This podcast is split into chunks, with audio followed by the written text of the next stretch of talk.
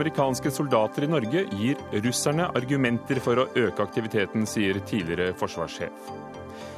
Frp-statsråd fikk viljen sin. Nå er eh, to av dem innstilt på toppen av nominasjonslisten i Møre og Romsdal. Stikk i strid med hva nominasjonskomiteen ønsket. Gresk yoghurt som ikke er laget i Hellas, er ikke gresk, sier Synnøve Finden. Må italiensk pizza være laget i Italia, svarer kumeieriene. Sovjetunionen knuste folkeopprøret i Ungarn for 60 år siden. I dag vil både høyre- og venstresiden i landet ha æren for å ha talt Moskva midt imot.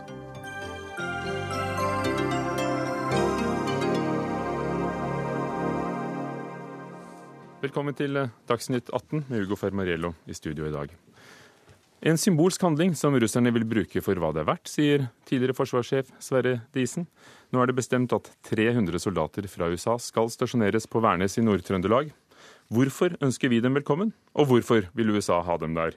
Og hva tenker egentlig russerne? Sverre Disen, tidligere forsvarssjef. Hva tror du regjeringen har vurdert når de har besluttet å, å si ja til at 300 soldater fra USA skal være på Værnes? De har nok helt sikkert vurdert at det da blir den type debatt som vi nå sitter her for å ha. Eh, og det har de da åpenbart kommet til at eh, det er det, er det verdt. Og jeg tror jo kanskje at et, et poeng her er at regjeringen med dette understreker at eh, hva basepolitikken egentlig går ut på, det er det altså regjeringen som til enhver tid definerer. Eh, med andre ord, det er å understreke at det er bare én instans som, som egentlig tolker basepolitikken til enhver tid, og det er regjeringen. Eh, og det er jo det som gjør den til et fleksibelt verktøy for sikkerhetspolitikken. Hadde det vært en, en politikk som var satt i stein, så hadde det jo altså vært en, en hemsko. Du tok ordene ut av munnen på meg. Jeg skulle til å, spørre deg, er de hugget i stein, eh, disse setningene om basepolitikken? Hvor står de, hva er det, hvor kommer det fra? Nei, Det er altså akkurat dette at vi har selvfølgelig i, fra den kalde krigen trukket eh, med oss eh, disse skal vi si, selvpålagte begrensningene i form av en, en basepolitikk og en atompolitikk som var relativt statisk så lenge den kalde krigen pågikk. Nå er det en helt annen situasjon, og det er en mer skal vi si, dynamisk situasjon. Og Da er det etter mitt skjønn fornuftig at eh, regjeringen nær sagt bruker en anledning til å nettopp synliggjøre at det er regjeringen og ingen andre. altså Det er ikke verken russerne eller det er ikke eh, andre instanser i Norge enn nettopp regjeringen. Og heller ikke Stortinget? Eh, for så vidt, men altså, nå jo, snakker vi jo om ting som, som, kommer inn under regjeringens såkalte prerogativ. altså Det er eh, regjeringen som, som har denne, dette ansvaret. Eh, og det tror jeg for så vidt er, kan være en hensiktsmessig si, anledning å gjøre det på. Den basepolitikken ble jo da dannet rett etter andre verdenskrig i forbindelse med Atlanterhavspakten i 1949. Og da dette forhåndslageret ble plassert i Stjørdal i, i, på begynnelsen av 80-tallet, var ikke det nettopp et poeng at det ble lagt så langt sør i landet for ikke å og hisse på seg Sovjetunionen i nord? Jo, det var daværende forsvarsminister Johan Jørgen Holst, tror jeg, som, som egentlig eh, Han skapte nok også litt irritasjon i, i, Washington over dette. Hvis vi på den ene side var altså veldig opptatt av å få disse amerikanske lagrene, men på den annen side ønsket å plassere dem et sted hvor de jo ikke var skal vi si, som var det, det mest hensiktsmessige, så var det nettopp et uttrykk for denne eh, balansegangen.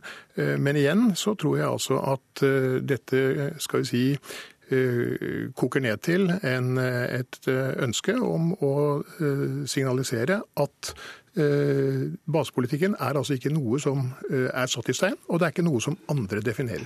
For det er en base, altså? Ja, det er jo spørsmålet. Vi, vi kommer tilbake til det. Karsten Friis, seniorrådgiver ved Norsk utenrikspolitisk institutt, som nettopp ser på sikkerhets- og forsvarspolitikk. Hva er signalet vi da sender ut? Vi sender jo et signal til, til Russland om at, om at, Norge er alliert med USA, eh, og at de kommer hit. Det er en symbolsk handling, eller symbolsk tilstedeværelse. At allierte øver med oss. Det er det signalet vi sender. Militært betyr jo ikke så voldsomt mye med 300 soldater. Vi har spurt den russiske ambassaden om de, de kunne stille her i, i kveld. Det, det, kunne de ikke. Men de viste til tidligere uttalelser som de ga til Adresseavisen i forrige uke, hvor de sa at de er forundret og, og, og håper at dette ikke da rokker ved basepolitikken. Men kan vi, kan vi vente oss at det egentlig skjer mer tankevirksomhet i de indre gemakker?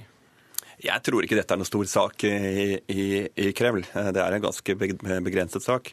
Eh, USA har jo deployert en hel brigade i, i Europa og, og, hatt stående styrker der lenge. Eh, Nato har opprettet eh, styrker i Baltikum av litt større karakter. Det er jo en del av det vi ser i Europa, en viss si, respons på Russlands oppførsel i, i, Ukraina og andre steder. Så dette kan ses som en del, del av det. Men, men det er ikke militært av betydning. Det er både langt unna og militært veldig svakt, og ganske etterlig vil jeg si, når vi har, først har forhåndslagre og har allierte, er det ganske, ganske naturlig at dette øves og brukes. Sverre Disen, som, som tidligere toppmilitær og lang karriere i, i Forsvaret, er, det må da være litt nyttig? Hvorfor vil USA ha, ha 300 soldater? Er det bare politisk? Det er jo først og fremst nyttig i kraft av sin si, politiske effekt. og Da forutsetter jeg at det har altså den politiske effekten at det nettopp understreker at, at, vi forbeholder oss retten til, eh, i takt med endrede omgivelser, eh, og det er selvfølgelig først og fremst da snakk om Russland, at vi da justerer dette. Og så ville selvfølgelig russerne vært nær sagt bra dumme hvis de lot denne sjansen gå fra seg til ikke å si at de er liksom forundret eller provosert, eller hva de måtte velge å kalle det. Så du tror de, kom, de, de bruker det litt mer enn det, det Friis antydet? Ja, altså for å si det sånn, det er åpenbart i Russlands interesse interesse å skape uenighet om forsvars- og sikkerhetspolitikken i Norge, eh, som i alle skal vi si, randstater på Russlands eh, periferi. Eh, og Da er det klart at da er jo dette på mange måter en slags gavepakke, hvor de kan si at det høres jo ut som de har valgt relativt moderat språkbruk da, når de sier at de er forundret. Men det tror jeg man må ta for det det er. Altså det er, for å si det sånn, det ville vært rart om de ikke sa såpass. Liv Signe Navarsete fra Senterpartiet, du er medlem av utenriks- og forsvarskomiteen. I, går ble dere orientert om dette som har vært diskutert og antydet i, i, i over et halvt års tid, at det kanskje kommer amerikanske soldater. Hva syns du? Det, jeg må jo sette dette inn i en kontekst. Eh, og, og det, det viktige for, for oss, uh, uavhengig av dette, det er jo at vi skal ha et sterkt norsk forsvar. Uh, og at det som har vært Eh, gjeldende brei semje om eh, i Norge siden 1949, eh, er at vi skal ikke ha utenlandske soldater fast stasjonert. Og Derfor er jo vår holdning at nå har en forplikta seg til ett år. Men det blir jo amerikanske soldater i Trøndelag hele det året. Og det kan sikkert være andre plasser, de skal vel øve litt her og der. Eh, så er jo spørsmålet vil det da bli mange år, og da må jo Stortinget involveres, og vi får, vi får en annen type debatt eh, om dette. I dine øyne, går det på tvers av den tradisjonelle basepolitikken, selv om det er enhver, enhver regjering som definerer den? Det er helt klart at hver regjering definerer basepolitikken, og det er ikke så mange andre dømer Eh, på, eh, på, dette. Selv om en viser til eh, Storbritannia som har trena med helikopter i, i Nord-Norge, så har likevel det ikke vært en sammenhengende. En har øvd en del av året, og så har en da ikke vært det andre delen av året. Men det som er skummelt med dette, det er selvsagt hvis en utvider det, og hvis det fører til at en dermed kanskje erstatter noe av det norske forsvaret. Og det sa jo forsvarssjefen klart ifra om når han la fram sin FMR, altså forsvars forsvarspolitiske råd. Eh, for da sa han det at eh, hvis en trapper ned i Norge, så er eneste måten å erstatte den norske hæren på, det er utenlandske soldater på norsk jord. Og ser en nå det i samme langtidsplan, der en har kutta i heimevern, kutta i eh, ja, skyv hæren inn i ei uviss framtid gjennom ei utredning. Så kan en selvfølgelig bli sånn konspiratorisk og si at uh, her må en iallfall være obs på uh, hva, som, uh, hva, som, er regjeringen sin politikk inn, innover i framtiden. Og det skal vi følge nøye med på, for det norske forsvaret er jo det aller viktigste. Og så skal vi øve med allierte. Det er vi her veldig for. Her ber alle om ordet, men vi har også med oss forsvarsminister Ine Eriksen Søreide. Bærer dette budet om, om, nye tider, som Navarsete frykter, at, at vi gir litt av Forsvaret over til andre land? Nei, på ingen måte. For det første så er dette en oppfølging av det som har vært langvarig norsk politikk helt siden vi tiltrådte Nato. Eh, forsvaret av Norge har jo aldri vært forsøkt dimensjonert for å kunne håndtere et storskala angrep alene. Vi har planer for forsterkning med allierte landstyrker, sjøstyrker og luftstyrker. Det har alltid spilt en avgjørende rolle for Norge.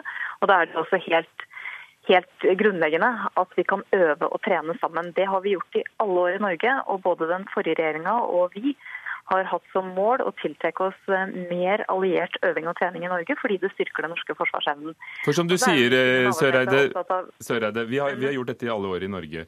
Eh, hvorfor da nå ha noen her mer permanent? For det første så skal jeg gjøre ferdig resonnementet mitt om det som Liv Signe Navarsete avslutter med, nemlig at dette på en eller annen måte skal komme til erstatning for det norske forsvaret. Det er jo med respekt å melde helt feil. For det første så bygger vi opp Forsvaret, vi bygger opp Hæren, og vi styrker hele Forsvaret. Og Det er jo bl.a. fordi at vi skal kunne være sammen med våre allierte, øve og trene mer, og bidra eh, til forsvaret av Norge og bidra til forsvaret av allierte. Og så har vi jo eh, lagt vekt på den eh, proposisjonen som Navarsetes regjering, da hun satt i regjering, fremma for Stortinget. Der man oppdaterte både forhåndslagrene og også, eh, også diskusjonen om øving og trening i, eh, i Norge. Og Der skrev man jo at den nye avtalen åpner for utstrakt amerikansk øvingsaktivitet i Norge i framtida, og hvor viktig det var for det norske forsvaret, og også for å ivareta våre allianseforpliktelser. Det slutta Stortinget seg enstemmig til.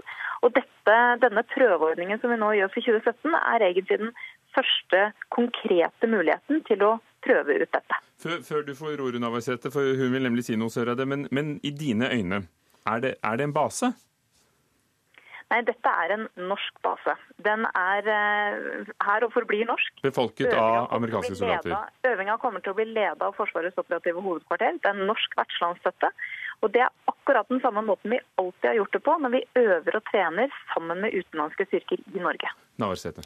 Eh, bare til det med den proposisjonen. Altså, jeg og Senterpartiet har ingenting imot. Tvert om er vi veldig for at vi skal ha utstrakt øving både med USA og andre allierte. Og vi skal stille opp for de allierte når det trengs, og håpe at de stiller opp for oss om det skulle trenges. Bare sånn at det er, Men det står ingenting i den proposisjonen om at en skal eventuelt ha ei sammenhengende, altså en mer permanent eh, opphold. Og det, det, er jo det vi diskuterer eventuelt. Og hva effekt det kan ha både på forhold til Russland eh, og, og den sikkerhetspolitiske situasjonen totalt sett. Og Søreide, disse tankene er det jo ikke bare Navarsete som gjør seg. Vi hørte jo både Sverre Disen og, og uh, eksperten fra NUPI her si at dette er også et signal. Og det, det er kanskje vel så politisk som praktisk uh, militært. Altså, dette ville vært like relevant også i en helt annen sikkerhetspolitisk situasjon. og Det har det faktisk vært i Norge siden 49. og Det er jo derfor vi har utvikla et veldig tett og nært øvings- og treningssamarbeid mellom våre nærmeste allierte og oss. Eh, og vi gjør det hvert eneste år. Vi har hundrevis, si tusenvis av utenlandske soldater som øver og trener sammen med norske styrker hvert år. Og det jeg hørte både Karsten Friis og Sverre Disen si, var jo for det første at det er naturlig å øve og bruke de fasilitetene vi har, bl.a. sammen med amerikanerne. Men, men det er noe nytt, Sørad. Unnskyld at jeg avbryter deg, for vi, vi, vet jo dette om, om øvelsene som pågår hele tiden, og de er storstilte. Og akkurat nå driver eh, russerne med en i, i Murmansk. Men det er da tross alt noe nytt, for ellers hadde det ikke vært så mye snakk om det. ellers hadde vel ikke dere behøvd å orientere den utvidede komiteen i går?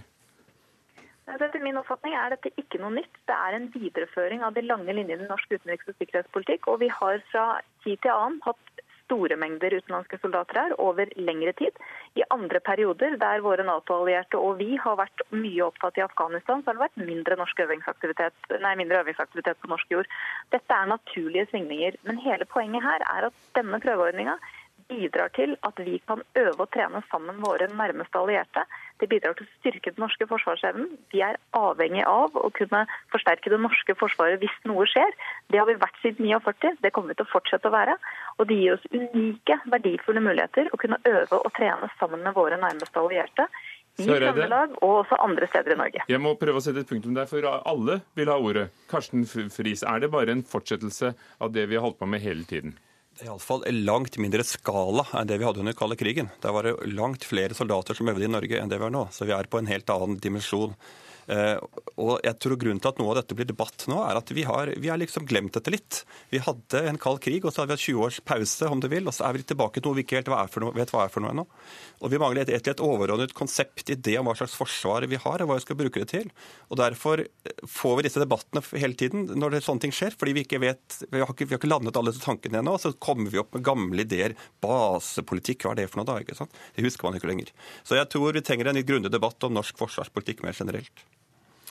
Jeg tror eh, vi skal holde to ting fra hverandre her. Altså dette med, med, norsk avhengighet av alliansen eh, og av våre største og viktigste allierte, det er en helt grunnleggende side ved vår sikkerhetspolitiske situasjon. Det er ingenting vi gjør av nasjonale prioriteringer som vil kunne endre på det. Altså Om vi kan skrape sammen en bataljon eh, ekstra her eller der, det, det er sånn sett uten betydning.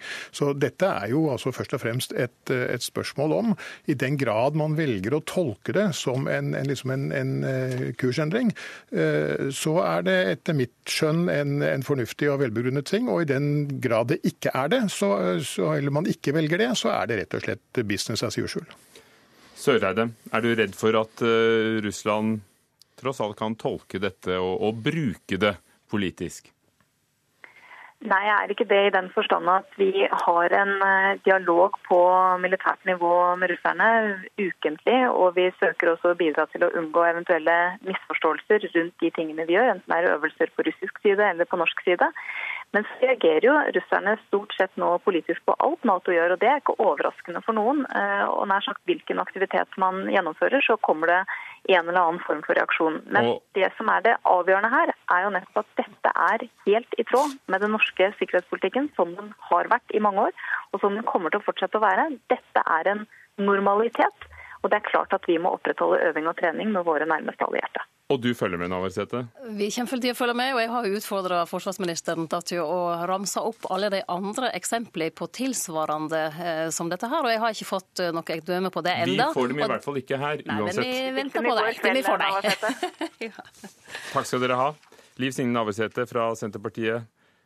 Ine Eriksen Søreide, forsvarsminister Karsten Friis fra NUPI, og Sverre Disen, tidligere forsvarssjef. Dagsnytt 18 alle hverdager kl 18.00 på NRK P2 og NRK2.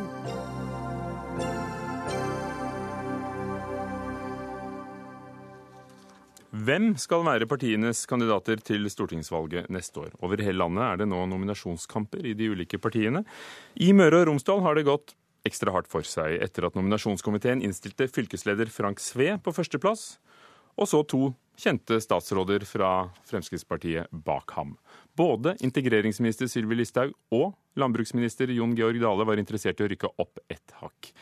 Like etter at Frank Sve var innstilt øverst på stortingslisten, dro de to statsrådene sammen til Sunnmøre. Og vi skal høre fra Lørdagsrevyen i NRK, der Frank Sve reagerte på dette besøket. Jeg syns ikke noe særlig om det. Altså, jeg har inget regjeringsapparat bak meg å drive valgkamp. Vi må drive dette på en ryddig måte. Det tror jeg er viktig at eh, statsrådene tenker på. At eh, det kan fort bli David mot eh, Goliat. David mot Goliat. Frank Sve, fylkesleder i Møre og Romsdal Fremskrittsparti. I dag har du trukket deg. Hvorfor gjorde du det? Nei, Det er fordi at etter vi hadde hatt de siste medieintervjuene, media så satte vi oss ned og snakka litt i hop, eh, eh undertegna Sylvi og Jon Georg. Det er jo en eh, samtale som vi burde hatt for lenge siden.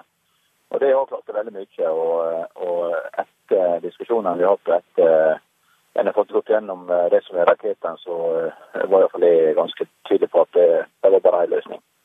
Og Du var jo veldig tydelig, som vi hørte i, i Lørdagsrevyen, på at du ønsket førsteplassen. Men også var det jo klart at nominasjonskomiteen i Møre og Romsdal ønsket å ha deg på førsteplassen. Har du samvittighet til å trekke deg overfor dine velgere lokalt?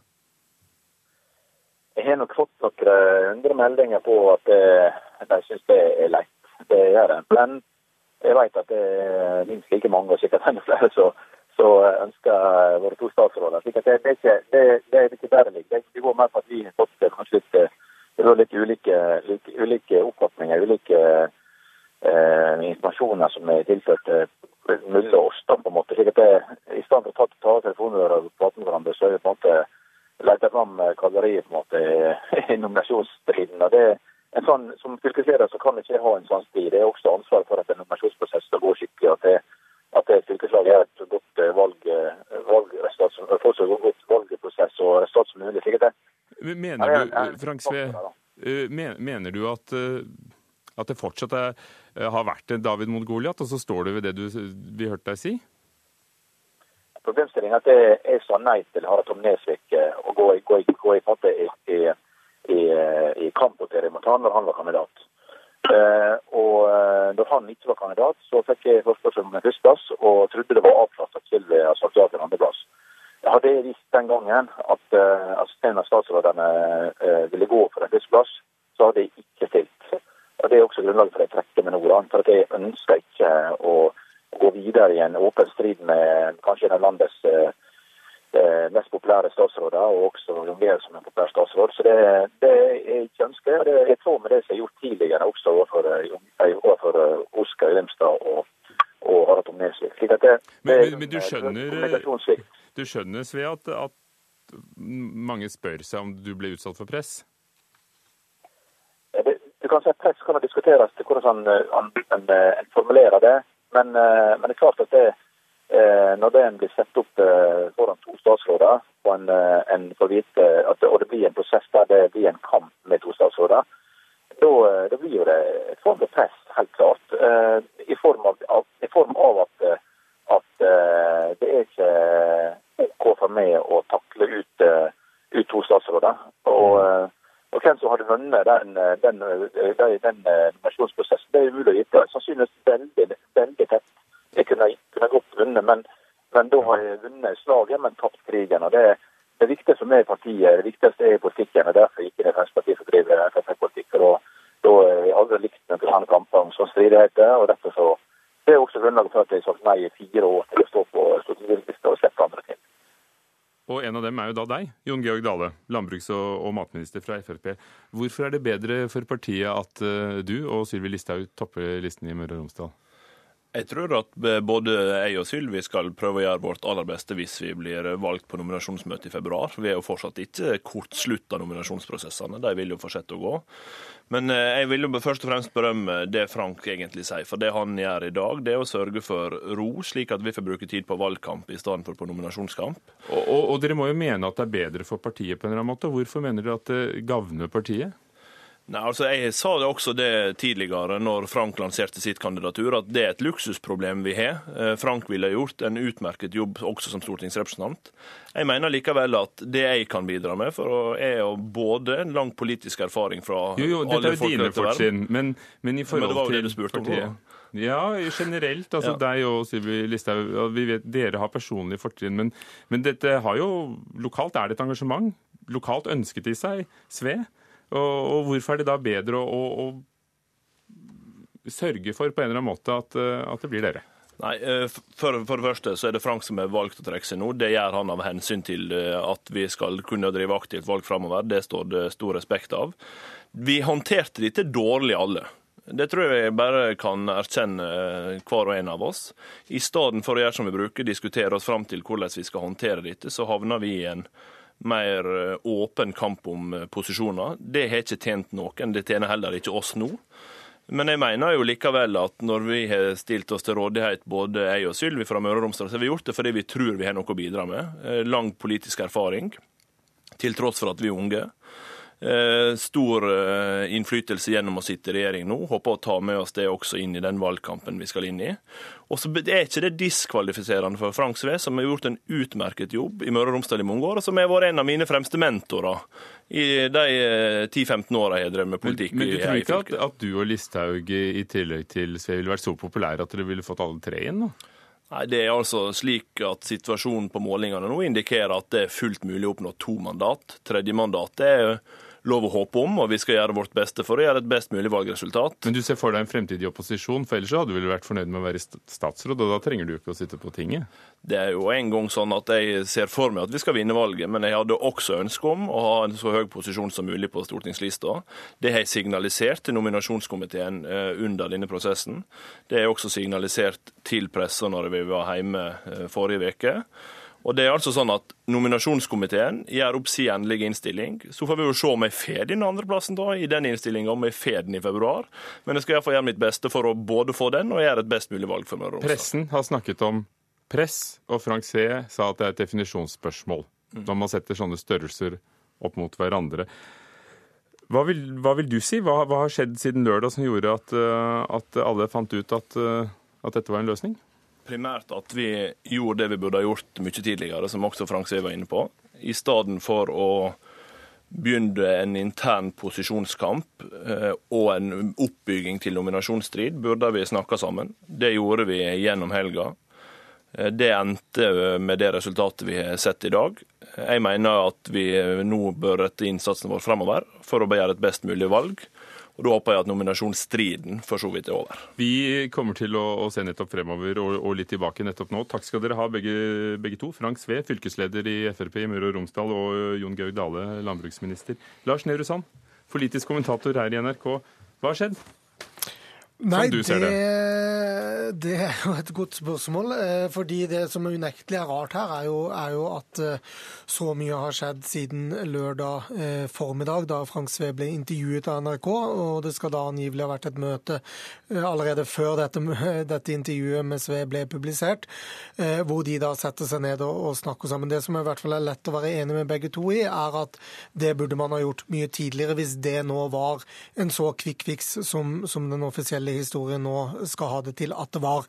Det er det første. Det andre er jo at nominasjonskomiteen har heller ikke gjort en ryddig nok jobb i å eh, sikre at alle har visst hva de andre kandidatene til enhver tid har tenkt om sine plasser. Eh, og når man da også har hatt det tilleggsmomentet her at eh, Harald Tom Nesvik lenge var innstilt, eller hadde takket et midlertidig ja til å stå på førsteplass, så forsvant han, men så kom Listhaug inn, og så eh, meldte meldte da Sve seg på, og han ble innstilt av nominasjonskomiteen, så har det vært ganske mange ukjente, og det har gått åpenbart fort i svingene for veldig mange. Og det har gjort denne nominasjonskampen i, i Møre og Romsdal Frp unødvendig komplisert også for de involverte. Men de er vel ikke alene om å ha en, eh, en motsetning mellom eh, hva som kan være ønsket sentralt og, og, lokalt? Eh, er det symptomatisk for konfliktene i, i partiene mellom hva, hva, ledelsen ønsker seg og, og hva lokallagene ønsker seg? Ja, det er i hvert fall flere eksempler på at, at man gjerne ser at noen kandidater har en rikspolitisk erfaring og kanskje er mer kjent og har jobba mer langsiktig i rikspolitikken, og mindre lokalt.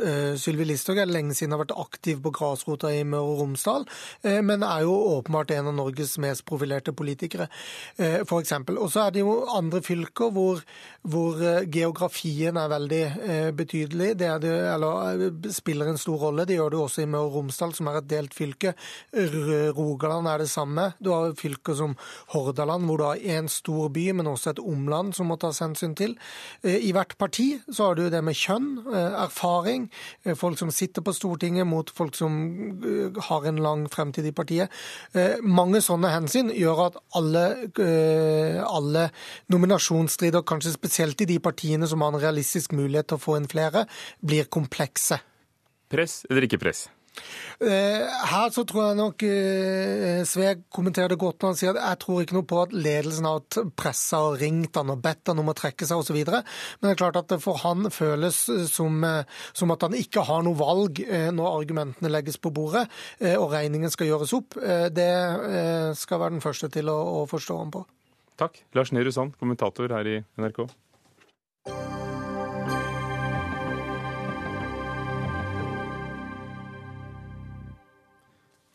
De tok fetaosten vår, men yoghurten får dere aldri. Det er beskjeden fra Hellas, som nå får støtte fra EU-kommisjonen. Gresk yoghurt er også blitt et populært eh, produkt eh, i Norge. og Grekerne vil at yoghurt som kalles gresk, skal være laget i Hellas. Det skriver eh, Nasjonen i dag. Det synes ikke dere i Kumeieriene. Administrerende direktør Bent Myrdal, dere lager gresk yoghurt her i Norge. Er det da riktig å kalle den gresk? Ja, Vi mener vi kan gjøre det med temmelig god samvittighet. Fordi vi ser på gresk yoghurt som en type betegnelse på en eh, filtrert yoghurt som er lagd på tre liter melk på gresk metode. Og så har vi på produktet Men Du har med deg pakken nå? Ja, jeg har med pakken. Akkurat. Her står det 'laget på norsk melk' fra, fra Jæren. Så det er flere, og det står det to steder. Eh, er det en fordel at den er laget i Norge, mener du? Ja, det mener jeg, for da blir den i hvert fall kortreist. Og Kan du da forstå at uh, grekerne er skuffet, for det er jo et produkt de har hatt suksess med? Ja, Det er jo mange produkter som har uh, opprinnelsesmerke. Du har italiensk pizza, du har meksikansk gryte, du har russisk salat, du har italiensk salat osv. Magnus Tollesen, markedsdirektør i Synnøve Finden. Dere får deres uh, greske yoghurt laget nettopp i Hellas. Uh, Jomme, har ikke du også tatt med noen ja, pakninger? Ja, ja. ja. Men russisk salat, krever du at den skal være laget i Russland? Nå er det ingen russere her, så jeg tror vi skal la de få avgjøre den, den diskusjonen. Nei, Men som forbruker, når du går inn og plukker opp ja, italiensk salat, for den saks skyld? Ja, nei, men vi, vi, introduserte jo gresk yoghurt uh, i 2013, uh, eh, til stor glede for norske forbrukere. Og, og, det skapte jo en dynamikk og et mangfold i yoghurthylla. Og vi, vi så det at vi traff en nerve. Vi var jo da forberedt på at det kom andre inn og prøvde å, uh, å gjøre noe av det samme, og kom etter. Men, men vi ser jo det at det er, liksom, det er, viktig å konkurrere. Vi liker konkurranse, det skjerper oss. Men så er det viktig å ikke bli så ivrig at det forvirrer forbrukere. Men er det forvirrende? Det, det er, står jo tydelig laget på norsk melk. Og selv om det ikke eh, hadde stått så tydelig, så er det jo sånn at alle landbruksprodukter er merket med dette ovale lille merket, hvor vi kan lese koden på hvilket land det er laget i. Ja, det. Gresk yoghurt er et unikt produkt, er, og de har mange stolte tradisjoner. Eh, og vi skjønner godt at grekerne nå ønsker å beskytte dette. Så ser vi på produktet. Og, og, ja. Og vi ser på produktet til ku at du skal ha ganske gode briller for å se at det er laget av norsk melk. Eh, så vi skjønner godt at, eh, at grekerne ønsker å beskytte dette produktet sånn som de gjør nå. Gunstein Instefjord fra Forbrukerrådet, villeder kumeieriene oss? Altså, vi syns at den her skal ha en streng eh, tilnærming. Det skal være enklest mulig når du går i butikken, og det som står på forsiden må stemme med det som står på baksiden. Og Dette er ikke altså, bare en problemstilling i forhold til, til gresk yoghurt. Går, går, du i butikk nå, så finner du altså tysk bratwurst, eh, fransk brie, spansk chorizo, eh, dansk salami, som er laga i Norge.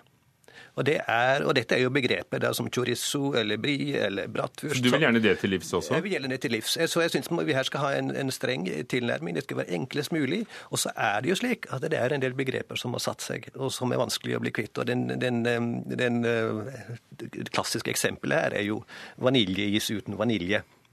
Det har vi eh, påpekt flere ganger, men vi blir ikke kvitt det. Det har satt seg. Så det er helt riktig at det her er en del begreper som har satt seg, men det skal jo ikke være noe argument for at det skal skli enda mer ut. Så, så vi er tilhengere av en streng tilnærming. Men, det skal være enkelt å gå i butikk. I England og Wales er det blitt sånn de siste årene at det er ikke lov for produsenter av, av denne typen yoghurt å ja. kalle den gresk hvis den ikke er laget i Hellas. Der, der skal det stå eh, gresk type. Så har de mer makt i, for engelske forbrukermyndigheter enn, enn dere har?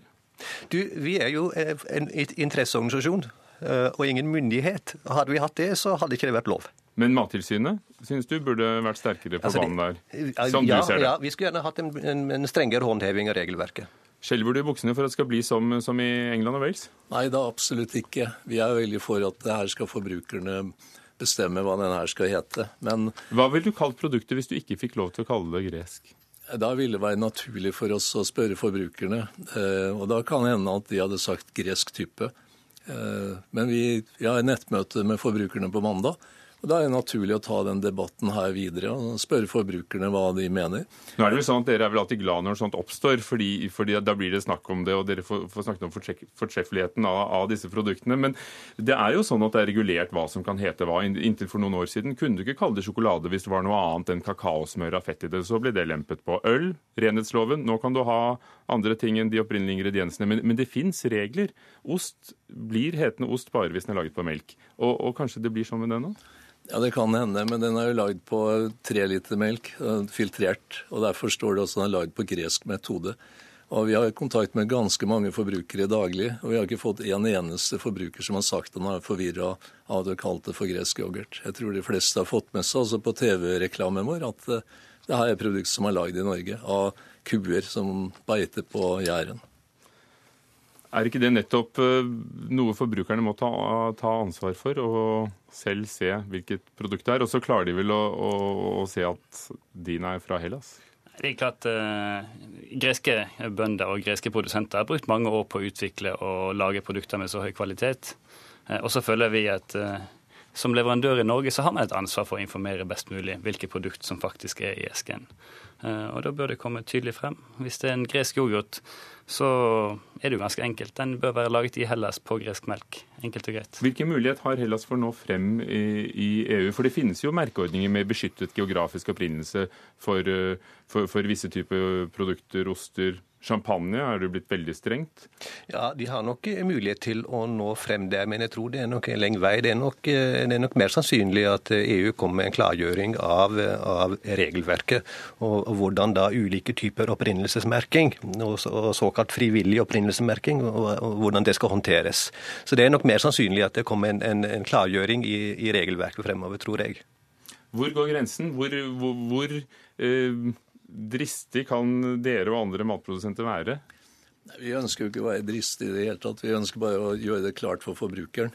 Så hvis forbrukerne sier at dette er uklart, at man blir forvirra av dette, at det er villedende, så har vi ingen prestisje i ku. Da retter vi bare opp navnet, sånn at forbrukeren eh, vet hva han kjøper. Men som sagt, det er ingen som har vært eh, og meldt til oss at dette produktet er benevnt på en forvirrende måte.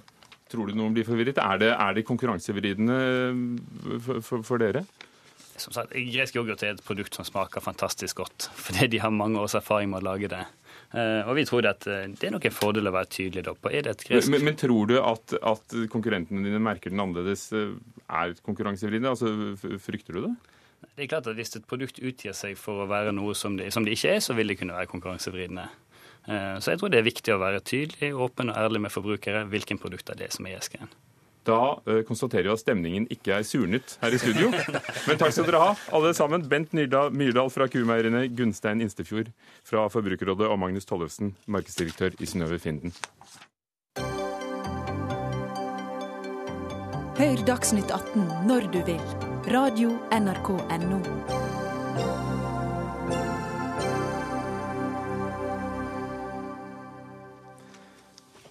Det ramler inn til de fleste av oss kredittilbud både i postkassen, på TV- og radiostasjonen, og noen ganger rett i e-postboksen og på telefonen. Det går an å låne opptil 200 000 kroner, ofte mer, så lett som ingenting. Bankene må tvinges til å bli mer forsvarlige når de gir forbrukslån, det mener Sparebank1 Midt-Norge, og ber Finanstilsynet komme med regler. Det kunne vi lese i Dagens Næringsliv. I dag har nordmenn eh, samlet en usikret gjeld på, og hold deg fast, 90 milliarder kroner. Endre Jo Reite, kredittsjef i Sparebank1 Midt-Norge. Du er faktisk så ivrig at du har skrevet selv et utkast som du mener at Finanstilsynet kan bruke som kladd. Men, men hvorfor er det så viktig for deg å hindre folk i å, å, å ta et lett lån hvis de trenger penger? Målet er ikke å hindre folk i å ta et lån, men målet er å få løfta opp forbrukerperspektivet og sikre at det er ytre grenser for hva finansinstitusjonene får lov til å gi til lån, og krav til en forsvarlig prosess med vurdering av hele økonomien til kunden. Nå er det jo kommet eh, mange nye aktører og banker på markedet, så det er jo fristende å spørre deg, er du, er du egentlig redd for konkurranse? Nei, vi er ikke redd for konkurranse. Og vi ser at det er nye aktører, og det vil jo alltid være i et område som er svært lønnsomt. Men dere, hva er forskjellen på, på deres kredittkort, og dere gir vel også kortsiktig lån når det trengs til, til dine kunder? Vi gir eh, forbrukslån, vi også, men vi gir også eh, rådgivning til kundene og tar utgangspunkt i kundens økonomiske situasjon og hva de kan betjene. Og det vi ser, er tilfeller av kunder som har fått lån hos andre, og da har fått lån som det ser vanskelig ut for oss eh, at de på noen som helst måte kan kunne kombinere med livsopphold. Knut Øvernes, administrerende direktør i Santander, som, som tilbyr forbrukslån. Hva blir konsekvensen dersom din eh, banksjefkollega i Sparebank1 får det som han vil? Ja, nå, er det, nå er dette forslaget kommet ut i dag, så vi har ikke fått tid til å sette nøye gjennom dette. I og for seg så er det mange gode forslag her, og mange av disse tingene har vi allerede implementert. Det jeg vil si om dette her, er at eh, det bildet som fremstilles om at det er veldig lett å få forbrukslån eller andre typer usikre kreditter, det, det, kjenner vi oss overhodet ikke igjen i. og Det har ikke vært noen spesielt stor vekst hos oss i dette segmentet. Men er det ikke et problem for dere at dere ikke, som det er i dag, har oversikten over alle de andre forpliktelsene eh, de lånesøkerne har av andre boliglån, som jo Sparebank1 sitter på fordi de har dem som kunder allerede? Ja, Gode data er veldig viktig for å gjøre en god kredittvurdering. Vi har vært i bransjen veldig lenge, og vi mener selv at vi gjør en veldig god vurdering. Men eh, f.eks. et gjeldsregister ville vært et veldig godt og et veldig treffsikkert tiltak i denne sammenhengen, som hadde forbedret prosessene. Endre Jo Reite, kan du kortfattet fortelle oss hva det er du foreslår? Hvor strengt skulle det vært? Jeg mener at det er et minimum, at det er en øvre grense for hvor stort forbrukslån du skal kunne få i forhold til inntekt. Jeg mener at det alltid skal være slik at forbrukslån skal nedbetales og ha en fast nedbetalingsplan. Eh, og jeg mener at det skal være opp til finansinstitusjonen å dokumentere dersom du er et tvilstilfelle, og dokumentere at de da faktisk har gjort nok for å sjekke om du er i stand til å betjene lånet. Svein Flåtten, andre nestleder i finanskomiteen på Stortinget for eh, Høyre. Hva synes du om, om det vi akkurat hørte? Jeg syns det er eh, fornuftige tiltak som jeg hører fra, forslag til fra Sparebanken Midt-Norge. Men det er jo ingen av de tiltakene som ikke en bank kan utøve selv med et ordinært godt bankhåndverk. Og det jeg er engstelig for oppi dette, er at vi lager at staten lager retningslinjer som på sett og vis fjerner både det personlige ansvaret for den som tar opp lån, altså at man nærmest kan stole på at nå har staten sagt et eller annet, så jeg får nok ikke mer enn det jeg greier å betale, og at det også influerer på bankhåndverket i bankene. Men jeg tror at hvis når gjeldsregisteret nå kan komme på plass, så vil bankene ha enda et mye bedre verktøy for å se at ikke folk har kreditter veldig mange steder, noe de nå ikke har oversikt over.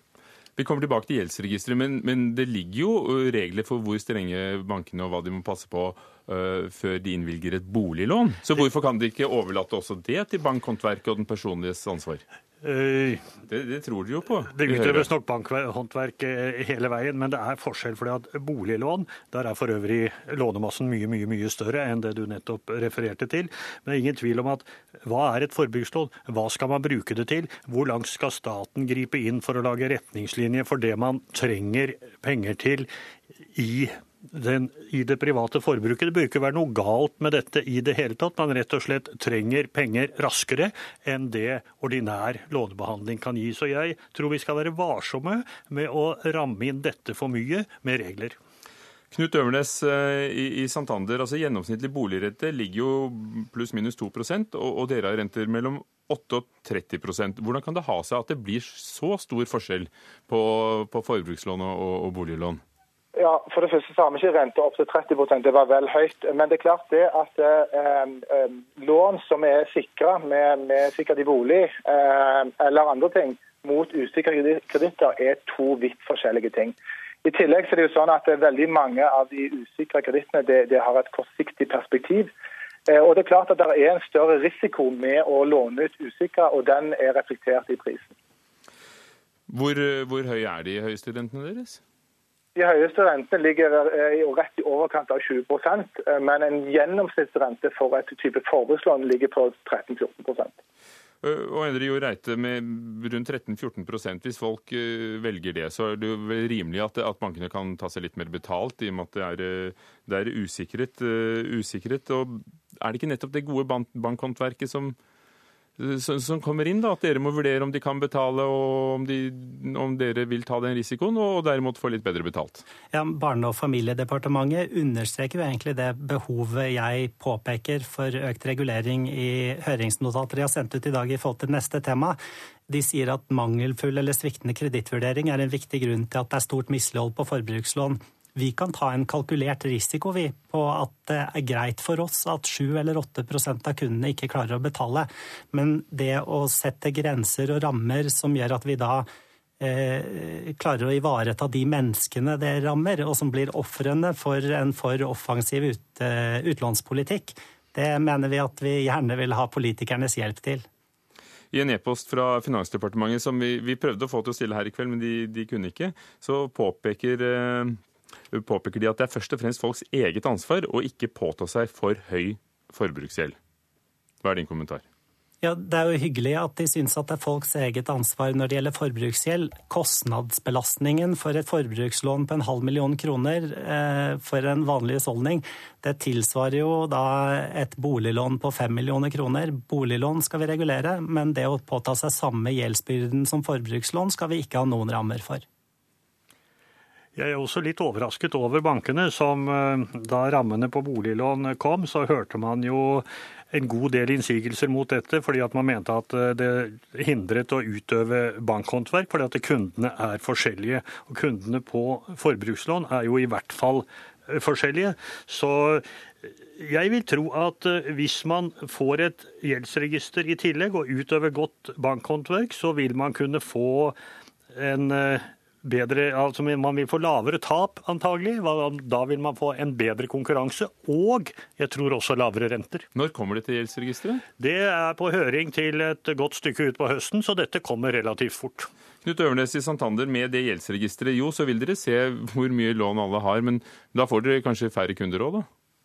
Ja, men et gjeldsregister vil være et veldig treffsikkert tiltak. Og vi ønsker oss eh, gode data, og vi ønsker oss at eh, vi sørger for at vi kan bruke disse data inn i gode modeller. For nettopp å gjøre det som ble sagt, utøve et godt bankhåndverk. Og til og med kanskje tilby lavere priser fordi at vi har bedre data. Endre Jo Reite, vil ikke det gjeldsregisteret løse mange av de utfordringene du ja, Gjeldsregisteret gir jo bankene en mulighet til å oppsøke mer data og bruke det i sin eh, kredittgiving, men, men, eh, det setter ingen rammer for bankenes egen vurdering. og de, de prosenten eller den risikoen vi tar som en kalkulert risiko, eh, bak den så ligger det menneskeskjebner. Og da tenker jeg at det er viktig at politikerne tar ansvar for å beskytte de som gis for mye lån fra den enkelte men bankene vil jo alltid ha ansvar for sin egen virksomhet, for at ikke de taper penger. Og jeg tar jo som gitt at dette er gjennomgående hele veien, enten det er boliglån, forbrukslån eller hva det måtte være. Og så får man nå et godt hjelpemiddel i tillegg.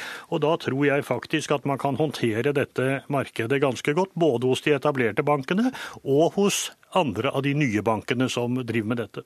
Reite, hvorfor skal folk beskyttes mot seg selv hvis de frivillig har lyst til å betale sånn rundt 15 rente for noe de tydeligvis føler de trenger?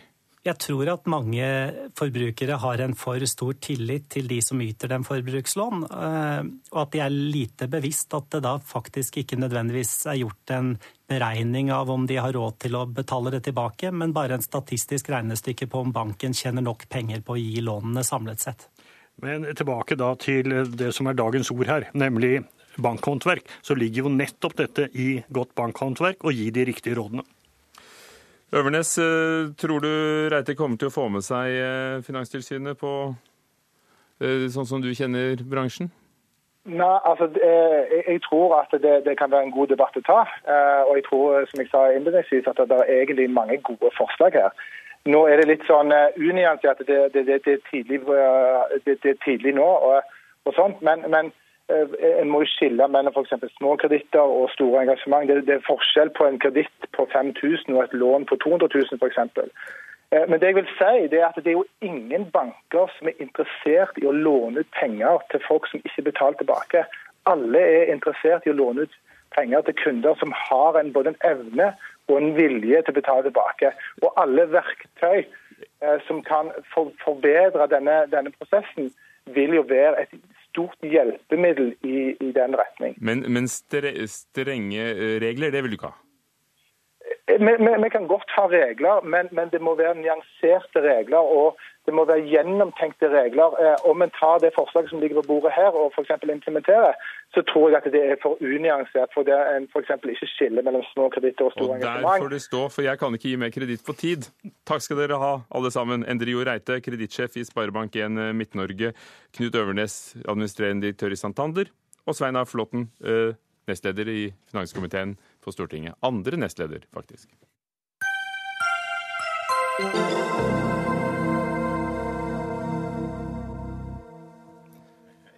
For 60 år siden sto folk i Ungarn midt oppi de mest dramatiske dagene i nyere historie. Folket gjorde opprør mot og fikk en mer reformvennlig kommunist som statsminister. Men selv om det var tøvær i Moskva, var tiden ikke moden for reformer, viste det seg. Opprøret som startet 23.10 i 1956 og ble feiret sist søndag, fikk en brå slutt da de sovjetiske panservognene rullet inn i gatene 4.11. Eva Sarfi, universitetslektor ved Universitetet i Oslo. Hvorfor ble det et opprør i 1956?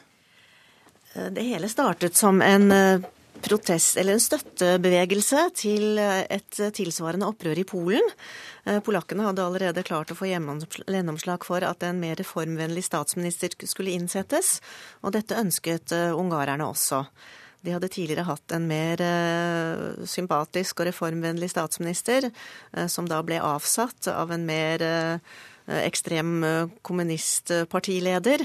Og denne statsministeren ville de gjerne ha tilbake. Dessuten så ville de også gjerne ha frie valg, og i det hele tatt større friheter enn det som var tilfellet i Ungarn tidlig på 50-tallet. Ungarn tidlig på 50-tallet var et veldig ekstremt diktatur. Hadde en veldig autoritær og brutal leder som het Rákosi. Og han ble ofte kalt for Lille-Stalin. Eh, slik at forholdene i Ungarn tidlig på 50-tallet var veldig ille, og dette ønsket man en endring av. Og så døde Store-Stalin, og regnet, da regnet vel folk med at dette skulle gå bra? Ja, det er riktig. Lille-Stalin ble da avsatt som han, ble, han var både statsminister og partileder. Eh, han fortsatte som partileder, og han ville ha en annen statsminister. Men folket ville ha sin statsminister, som altså var mye mer reformvennlig enn eh, denne veldig upopulære partilederen. Og de, de fikk ham i noen dager, Imre Nagy? Ja, altså dette førte jo til eh, Det akselererte til et veldig stort opprør. Det startet i det små den 23. november, unnskyld, oktober. Og etter, et, det var først studentene som marsjerte sammen med Forfatterforeningen. Men etter hvert så var det stadig flere som tilsluttet seg, og allerede den første dagen så kom det til skyteepisoder hvor altså studentene eh, ønsket å lese opp sine krav eh, i radio, i radio altså over radio. Det førte da til at sikkerhetspolitiet begynte å skyte på studentene, så allerede første dag av opprøret så var det dødsfall. Og det førte jo da til at stadig flere gikk i gatene, og det ble blodsutytelser. Og det var da også slik at deler av sikkerhetspolitiet, også militæret, stilte seg på folkets side.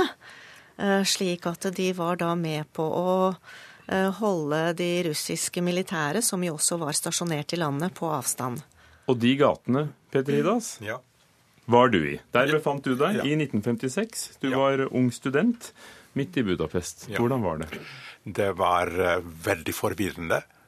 Jeg, jeg, skjønte ikke ordentlig hva som skjedde. Det var, det var så uventet. Uh, grunnen til det er at uh, jeg studerte, begynte å studere i en annen by. Så dette med og, og kommunikasjon på den tiden var jo, var jo veldig forskjellig. Så, så, jeg skjønte ikke ordentlig før jeg var der i gatene. Altså, jeg, jeg, jeg reiste tilbake så fort jeg kunne. Og det var jo en, var jo en, eh, en spennende og, og, og, og vill tid. Og vi var helt sikre på at vi kom til å vinne. Hvordan kunne du være så sikker? Følelser.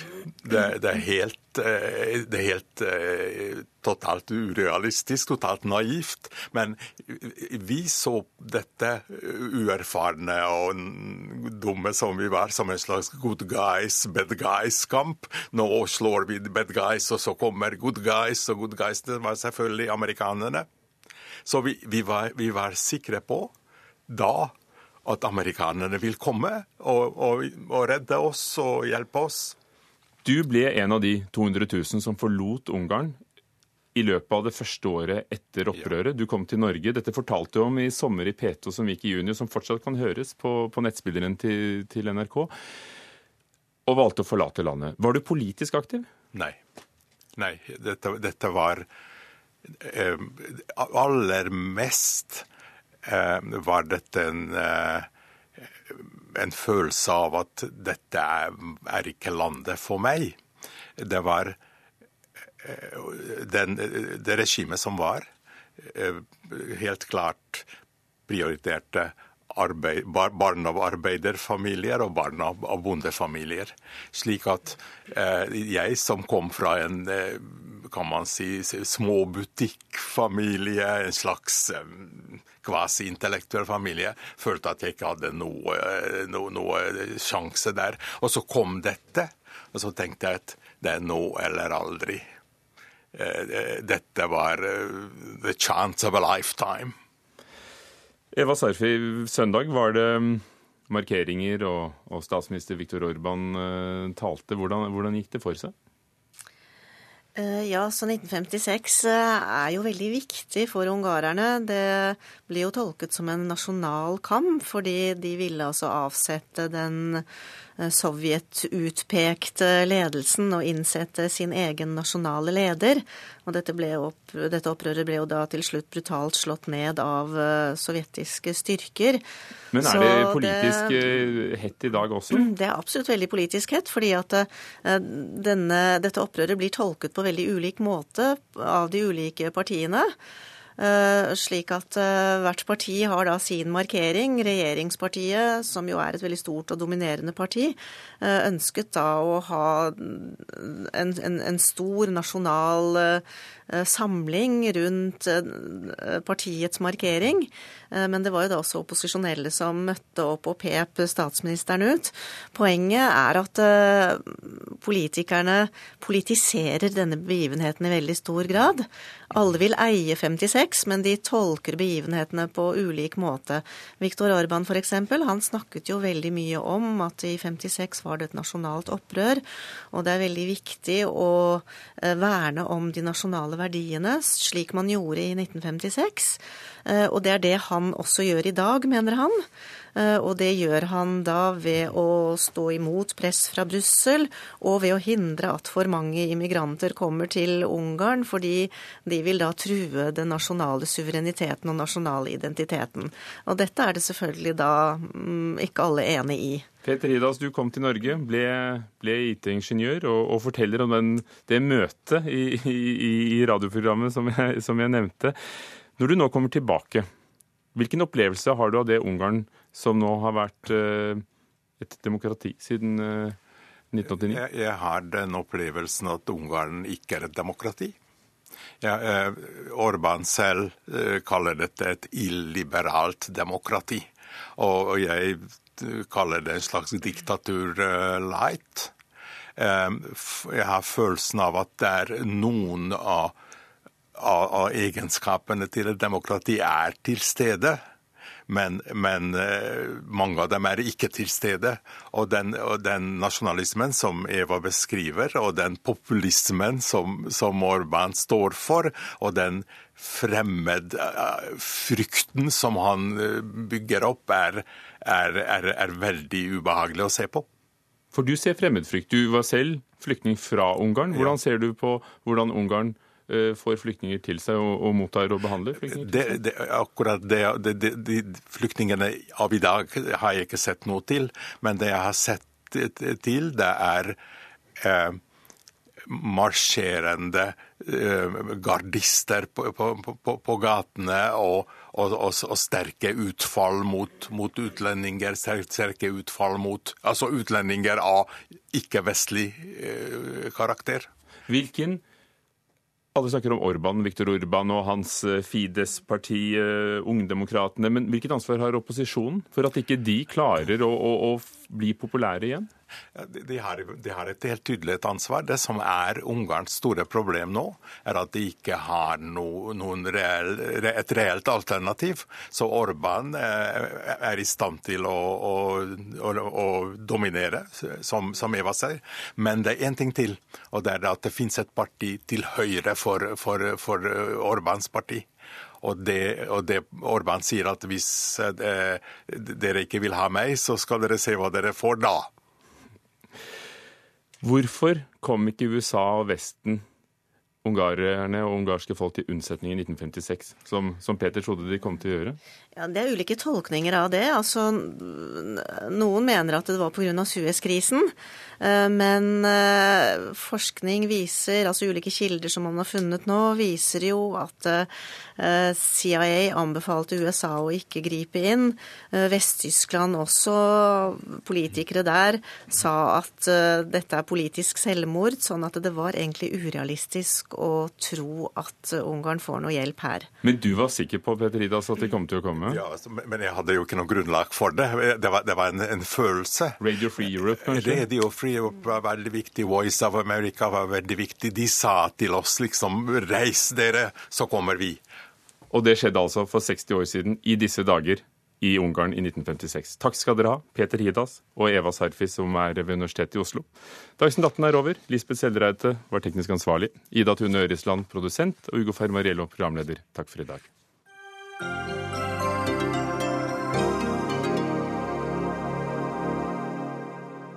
Hør flere podkaster på nrk.no podkast.